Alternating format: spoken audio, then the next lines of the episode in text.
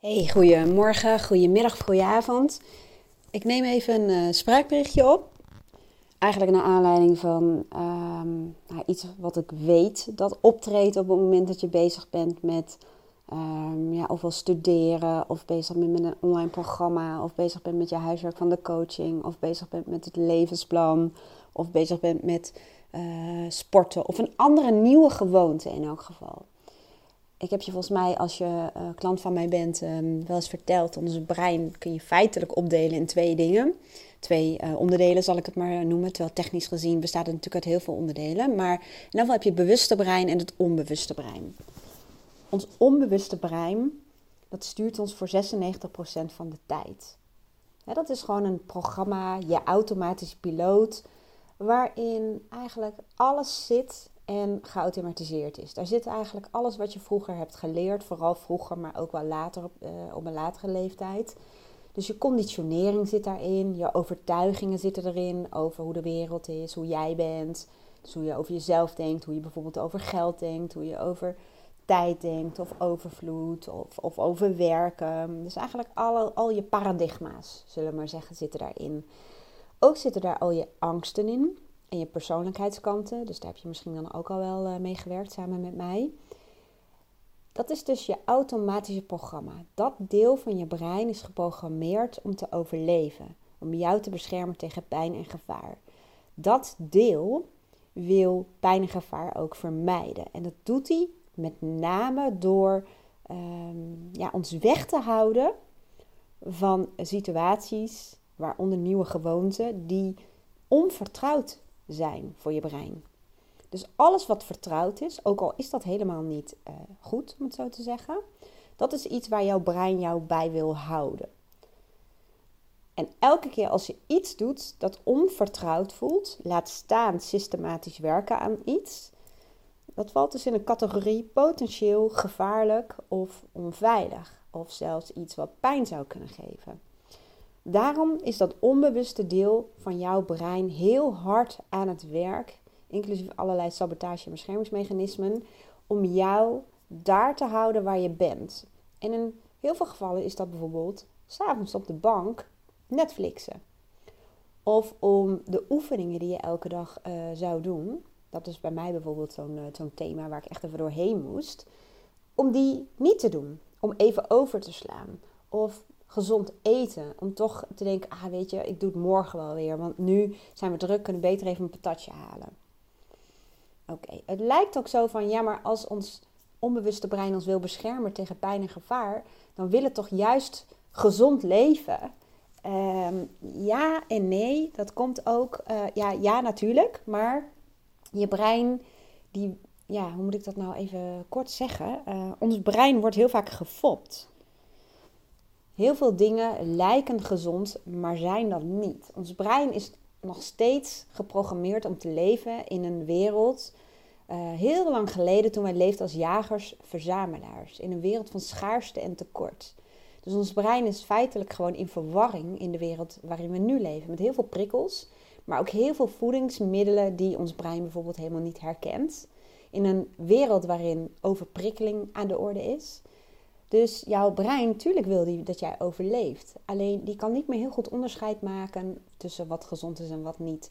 Daarnaast is dat brein, dat onbewuste deel, ook geprogrammeerd om van dag tot dag te leven. Want toen wij nog jager-verzamelaars waren, ja, toen was het natuurlijk zaak om te overleven en om voedsel te vinden.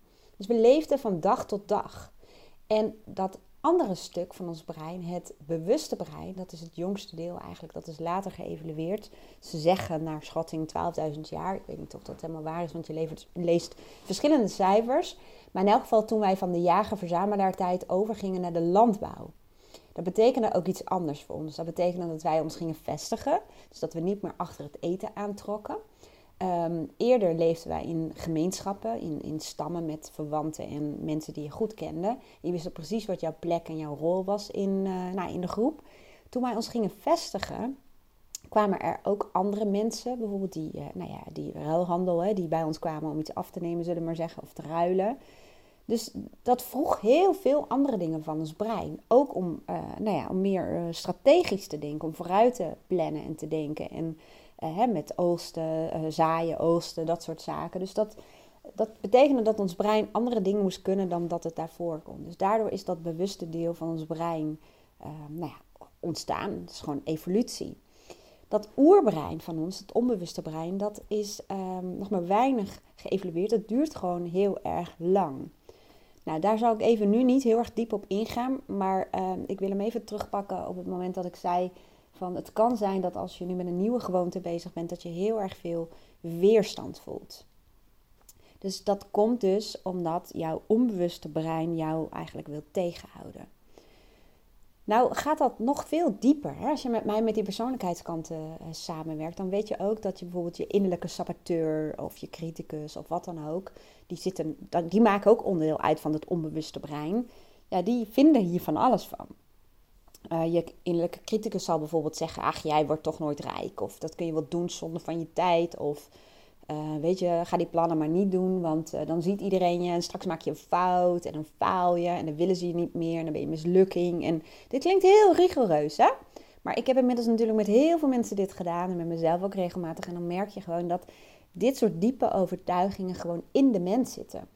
En heel veel uh, overtuigingen lijken universeel. En dat wil zeggen, de, um, ik kom ze heel vaak tegen. En ik weet uit uh, onderzoeken en zo dat het uh, wereldwijd, uh, nou ja, hoe moet ik zeggen, overtuigingen zijn. Bijvoorbeeld, ik ben niet goed genoeg of ik ben niet genoeg.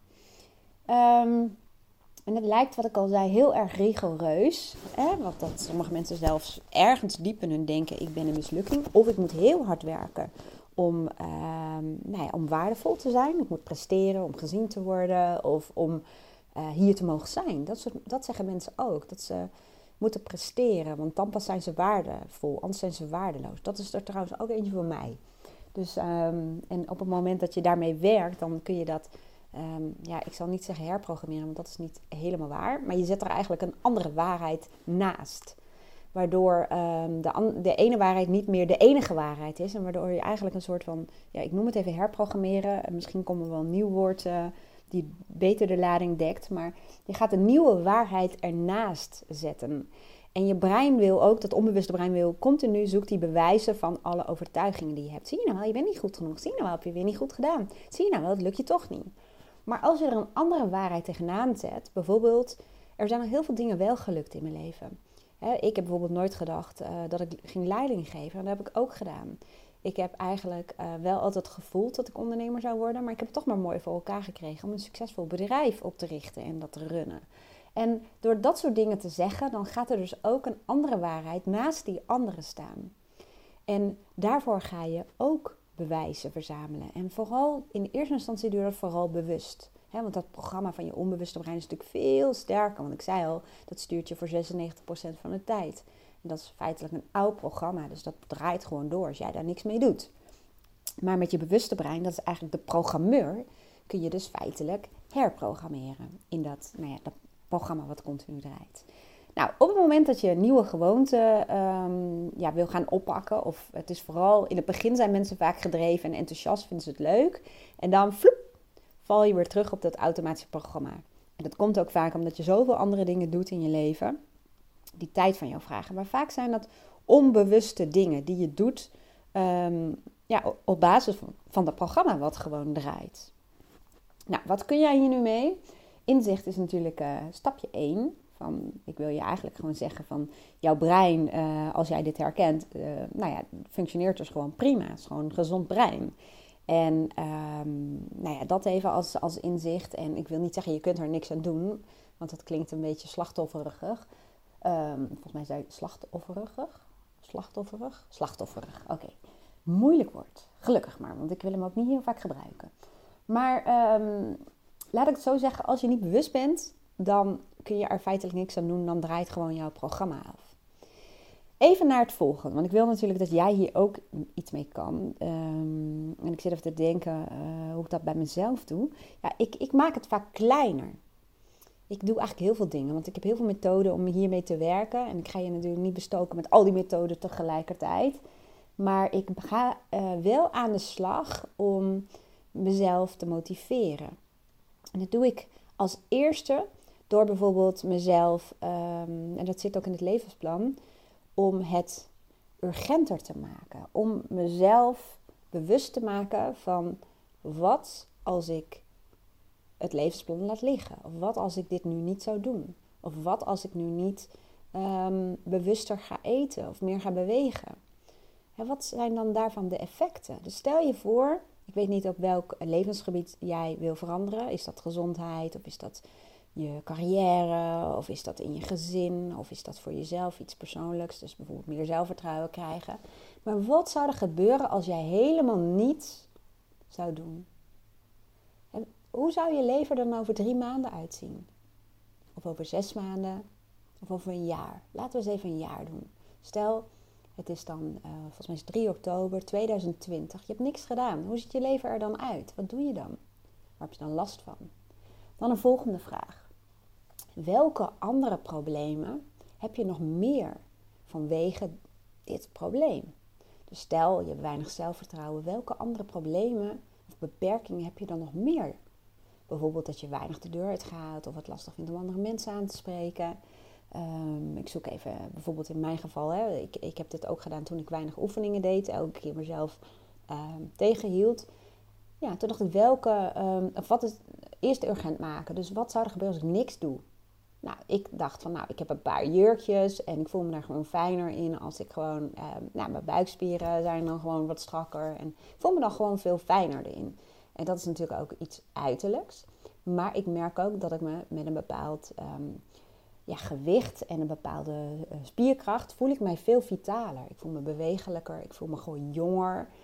Dus dat zijn eigenlijk de voordelen. Dus als ik niks zou doen, dan zou ik denken, ja, dan word het, ik ben ook 44, dan word ik wat dikker, dan wordt het allemaal wat uitgezakter, dan verlies ik aan kracht, dan verlies ik aan vitaliteit.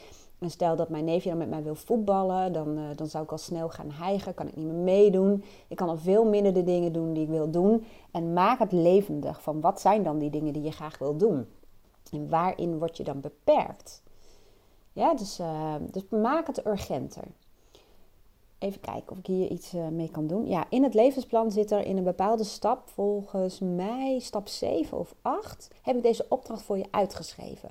Dus mocht je nu vastlopen in het levensplan, hè, want ik weet, weet niet of jij je klant bent die meedoet in het levensplan, pak dan even stap 7 of 8 en het staat, uh, volgens mij heet het maak het belangrijk. Maak het echt belangrijk. En doe dan gewoon al die vragen. Doe alleen maar dat. Laat even die andere stappen voor wat het is en pak gewoon die stap er even bij. Vervolgens ga je aan de slag met je verlangen. Want motivatie komt altijd uit twee bronnen. Eén, urgentie, noodzaak. Nou, daar hebben we het net al even over gehad. Dus de meeste mensen komen ook bij mij als ze het helemaal zat zijn of als er echt een aanleiding is geweest waardoor ze weten, ja, nu moet ik er echt iets aan doen. Nu moet ik gewoon eens een keertje naar een coach en, uh, en moet ik er wat aan doen. Of ik zie ook veel aanvragen voor relatiecoaching, vooral van mannen overigens, midden in de nacht. Dan heeft een vrouw gezegd, ik ga bij je weg. En het is klaar, ik heb al zoveel ingeschreven, we hebben al zoveel gesprekken gehad, ik ben het zat, ik ga weg dat is het moment waarop de meeste mannen in, in dit geval, dat is, ik, weet, ja, ik had het eerst ook niet verwacht, maar het is nou helemaal zo, een afspraak met mij maken voor relatiecoaching. Want in één keer zetten ze alles op alles, omdat ze een huwelijk willen redden. En dan zegt die vrouw, ja, en nu in één keer is die wel op tijd thuis voor de kinderen, of gaat die dingen doen, of hè. Nou, dat. Oké. Nou, urgentie en noodzaak is niet zo heel fijn om dat te voelen. Er zit een negatieve vibe omheen, negatieve energie, uh, slechte emoties. Nee, slechte emoties, dat is een beetje een raar woord.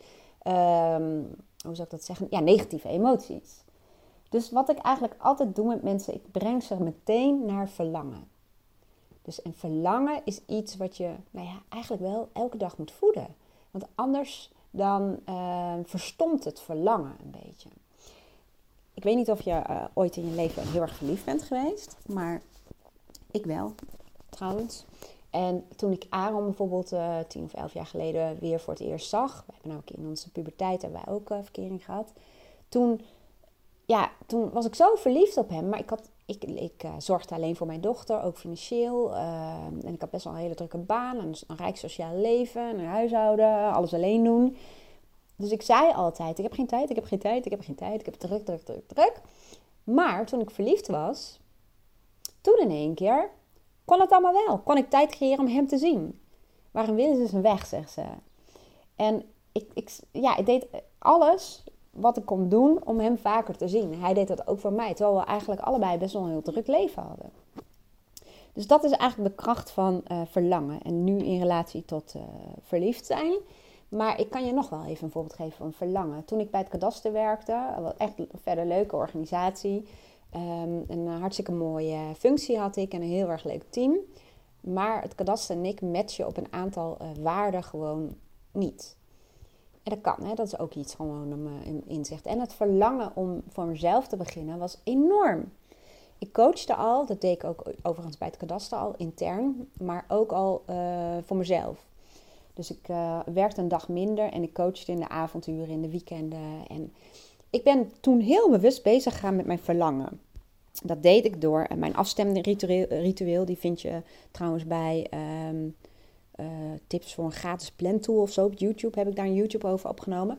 In mijn afstemritueel ochtends ging ik visualiseren. En dan zag ik mijzelf, uh, niet meer dus naar het kadaster gaan, maar ik zag mijzelf thuis blijven en de deuren van mijn praktijk open doen.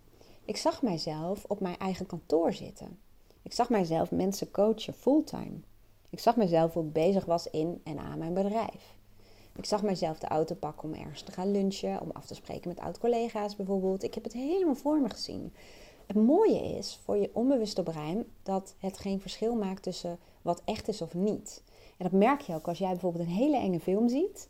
Dan maak je ook daadwerkelijk de stresshormonen aan. Je voelt ook daadwerkelijk de angst. Je hart gaat uh, sneller kloppen. Je houdt je adem in. Dus voor jouw brein is dat een levensechte situatie. Nou is er wel een klein verschil als je televisie kijkt tussen wanneer jij de hoofdrolspeler zou zijn of wanneer je toeschouwer bent. Maar toch gebeuren dezelfde dingen in je lichaam en in je brein als in de werkelijke situatie. Net als dat je uh, foto's bekijkt van een vakantie waar je goede herinneringen aan hebt, dan krijg je ook allerlei hormonen die uh, horen bij blijdschap. En die uh, nou ja, gezond zijn voor je lichaam, om het zo te zeggen. Dus dankbaarheid is ook zo'n oefening om dankbaar te zijn voor nou ja, wat je ook kunt waarderen in je leven. Dankbaar voor de kleine dingen. Dat zorgt er ook voor dat, nou ja, dat je een andere mindset krijgt. Nou, even terug naar dat verlangen. Dat verlangen, ik heb je al twee voorbeelden gegeven, dat is ook iets wat je elke dag kunt voeden. En dat kun je doen door uh, de vragen die in het levensplan bij diezelfde stap staan. Dus een vraag is bijvoorbeeld van, goh, hoe zou je leven eruit zien over bijvoorbeeld een jaar, je bent een jaar verder, als jij stappen hebt gezet, als jij beslissingen hebt genomen, als je die opleiding bent gaan doen, als je minder bent gaan werken, als jij, um, ja, wat is het, drie keer per week bent gaan wandelen, als jij het voor elkaar hebt gekregen om jouw levensstijl voor 60% gezonder te maken. Hoe ziet jouw leven eruit? Hoe zie jij eruit? Wat doe je dan? Hoe voel je je dan? Dus maak het um, beeldend. Probeer voor je te zien wat de voordelen zijn van als je, nou ja, bijvoorbeeld ook elke week, al is het maar twee keer een half uur of één keer een half uur, gewoon werkt aan het levensplan. Hoe ziet het er dan over een jaar uit? En wat zijn de voordelen van verandering? Dus welke andere voordelen zijn er nog meer als je de verandering doorzet? En bij mij was dat bijvoorbeeld om volledig te gaan ondernemen. Dat ik um, veel meer vrijheid zou ervaren, veel meer ruimte heb om mijn agenda in te delen zoals ik dat wil. Ik kan uh, tussendoor gewoon afspreken met leuke andere ondernemers. Ik kan samenwerken. Nou, en andere voordelen zijn, ik heb veel meer energie gekregen. Ik heb echt een hele steady, stabiele energie. Ik ben nog nauwelijks uh, ziek in, uh, in, tijdens de skivakantie. Ben ik ziek geweest. Daar heb ik ook een video over opgenomen. Want ik weet nu dat het ook een soort beschermingsmechanisme was. Omdat ik bang was om te skiën. Anyway, ik voel me vrij. Ik, ik heb elke dag het gevoel dat ik van betekenis ben. Dat ik betekenisvol werk doe. Veel meer dan toen bij het kadaster werkte. Dat had ik ook. Maar het percentage was veel lager dan nu. Omdat er heel veel ruis in mijn agenda zat. En nu heb ik voor, ja, ik, voor 90 of 95 procent ben ik bezig met voor mij zinvolle zaken. Natuurlijk heb ik ook mijn administratie en facturering en marketing en dat soort dingen. Trouwens, dat vind ik ook leuk. Maar um, ik voel me gewoon veel beter. Ik ben een leuke mens. Ik ben veel, echt een veel lievere, fijne, betere moeder op basis van mijn criteria. Voor mijn dochter en voor mijn stiefzoon. Ik ben een leuke vrouw voor, voor Aaron. Ik ja, ik heb gewoon veel meer eh, rust ook in mijn hoofd. Ik, eh, ja, ik, ik kan wel een uur door blijven praten over alle voordelen. Maar dat komt omdat ik gewoon die beslissing heb genomen. En de stappen heb gedaan die daaraan vooraf gingen. En na de beslissing natuurlijk. Dus het verlangen voeden. Dus loop je nu vast, dat wil zeggen, uh, doe je even er niks meer aan of heel weinig, vind je het moeilijk om jezelf te motiveren, zou ik je voor nu even twee tips willen geven. Pak stap 7 of 8 erbij, als jij meedoet tenminste met levensplan. En ga die opdracht doen die ik net al een klein beetje heb verteld. Maak het urgenter en voed je verlangen. Ik denk als je dit uh, goed doet, ben je een kwartier tot 20 minuten mee bezig. Dat is niet veel en is best wel iets wat je volgens mij uh, deze week kunt doen. Oké. Een andere tip die ik je zou willen geven is: doe de wondervraag. Die staat ook in de, in, in de map hè, met alle, nou, alle materiaal voor het levensplan. Maar als jij niet meedoet met het leesplan, mag je hem gratis van me downloaden. En dan ga je naar wendyborst.nl slash wondervraag. Dus naar wendyborst.nl slash wondervraag. Ik zet natuurlijk de link wel eventjes hieronder. Dus doe de wondervraag. En er zitten twee variaties uh, op, uh, of, of, twee varianten moet ik zeggen, van de wondervraag. Dus pik degene eruit die je het liefst wil. De wondervraag is een uh, methode om sowieso oplossingen bloot te leggen. Dus het komt uit de oplossingsgerichte coaching. Maar dat niet alleen. Het zorgt er ook voor dat het, het helpt je om te dromen en te visualiseren. En om eigenlijk bloot te leggen wat je verlangens zijn, wat je dromen zijn, wat je waarden zijn. Het is een hele leuke, luchtige, fijne oefening. Hij is echt heerlijk om te doen. En het zorgt ervoor dat je weer in de, uh, ja, in de verlangen-modus komt. Want net ook, een andere klant zei ook van... Ik kom binnenkort ook weer even bij je langs, want het helpt altijd. Omdat we dan samen weer gaan kijken hoe we dat verlangen kunnen voeden. En dat gebeurt ter plekke aan tafel. En iemand gaat dan helemaal opgeladen weer de deur uit. Je gaat met de tank vol inspiratie, ideeën en energie de deur uit. En dan zie je ook dat iemand weer helemaal in zo'n flow komt. En dan zie je ook vaak na, na een tijdje, als ze dan weer uh, terugvallen hè, op basis van het onbewuste brein, om het zo te zeggen, naar de vertrouwde dingen, dan komt de klad erin. Dus heel veel mensen boeken dan vaak uh, of een sessie om dat te voorkomen, of ze boeken dan weer een nieuwe sessie. Of ze doen zelf bijvoorbeeld een wondervraag. Of ze doen uh, die vragen, of ze gaan visualiseren, of ze gaan dromen. Heel veel mensen kunnen dat ook prima zelf doen. Of die hebben dat al zo vaak met mij gedaan dat ze op een gegeven moment in de gaten hebben van, oh ja, dit is het trucje. Dus dit kan ik ook best goed bij mezelf. Het gaat erom dat je continu jezelf uh, motiveert. Um, even kijken of ik daar verder nog iets aan kan toevoegen. Nee. Dus twee adviezen eigenlijk. Ben jij onderdeel van uh, nou ja, de levensplan community, dan zou ik zeggen, door van stap 7 of 8. En ieder maak het echt belangrijk, die stap. En ehm, nou, als je lekker bezig bent, dan zou ik zeggen, doe bijvoorbeeld ook eens even de wondervraag. En even kijken, ben je geen uh, lid van de community, dan zou ik zeggen, download de wondervraag, wendyborst.nl slash wondervraag. En misschien kun je nog even nou ja, het filmpje terugdraaien, om het zo te zeggen. Of hoe heet dat uh, tegenwoordig? Um, dat klinkt wel heel oude, oudewijverig. Maar um, uh, nou, ga even kijken naar die vragen die ik uh, noemde. En uh, ga die vragen doen. Ik zit even te denken, misschien kan ik ze wel even voor je kopiëren en onderaan de video zetten. Ja, dat ga ik voor je doen. Dan hoef je ook niet terug in het filmpje. Dat is ook zo gedoe. Dan ga ik zorgen dat ik even die vragen ook voor jou klaarzet. Dus ga dat dan doen. Er zijn nog zo ongelooflijk veel andere manieren om bezig te zijn om je verlangen te voeden. Bijvoorbeeld het maken van een vision board. Dat je um, nou ja, plaatjes in tijdschriften of op Pinterest of wat dan ook print of uitknipt die jou een positief gevoel geven, die een kriebel in je buik geven, die jou ja, uh, zin geven, die, uh, waar je heel blij van wordt, omdat je het mooi vindt. En wat het ook mogen zijn. Sommige mensen doen dat met zinnen, woorden of met beelden. En het maakt ook niet uit welk levensgebied, of dat een huis is, of dat dat uh, samen zijn is met mensen, of dat dat een auto is. Het maakt helemaal niet uit, maar ga op zoek naar beelden die jou positief prikkelen. Daarnaast, als jij, uh, misschien heb jij wel uh, een boek gelezen van Esther uh, Hicks, Jerry en Esther Hicks, over de wet van de aantrekking. Nou moet ik even kijken welk boek dat is. Um, ik ga hem wel even voor je opzoeken en dan zet ik hem hieronder wel even als link. Dat is een boek over de wet van de aantrekking. Dat is een van de twaalf universele wetten. Zo bijna zeggen ook natuurwetten, maar universeel is natuurlijk iets meer dan alleen maar de natuur.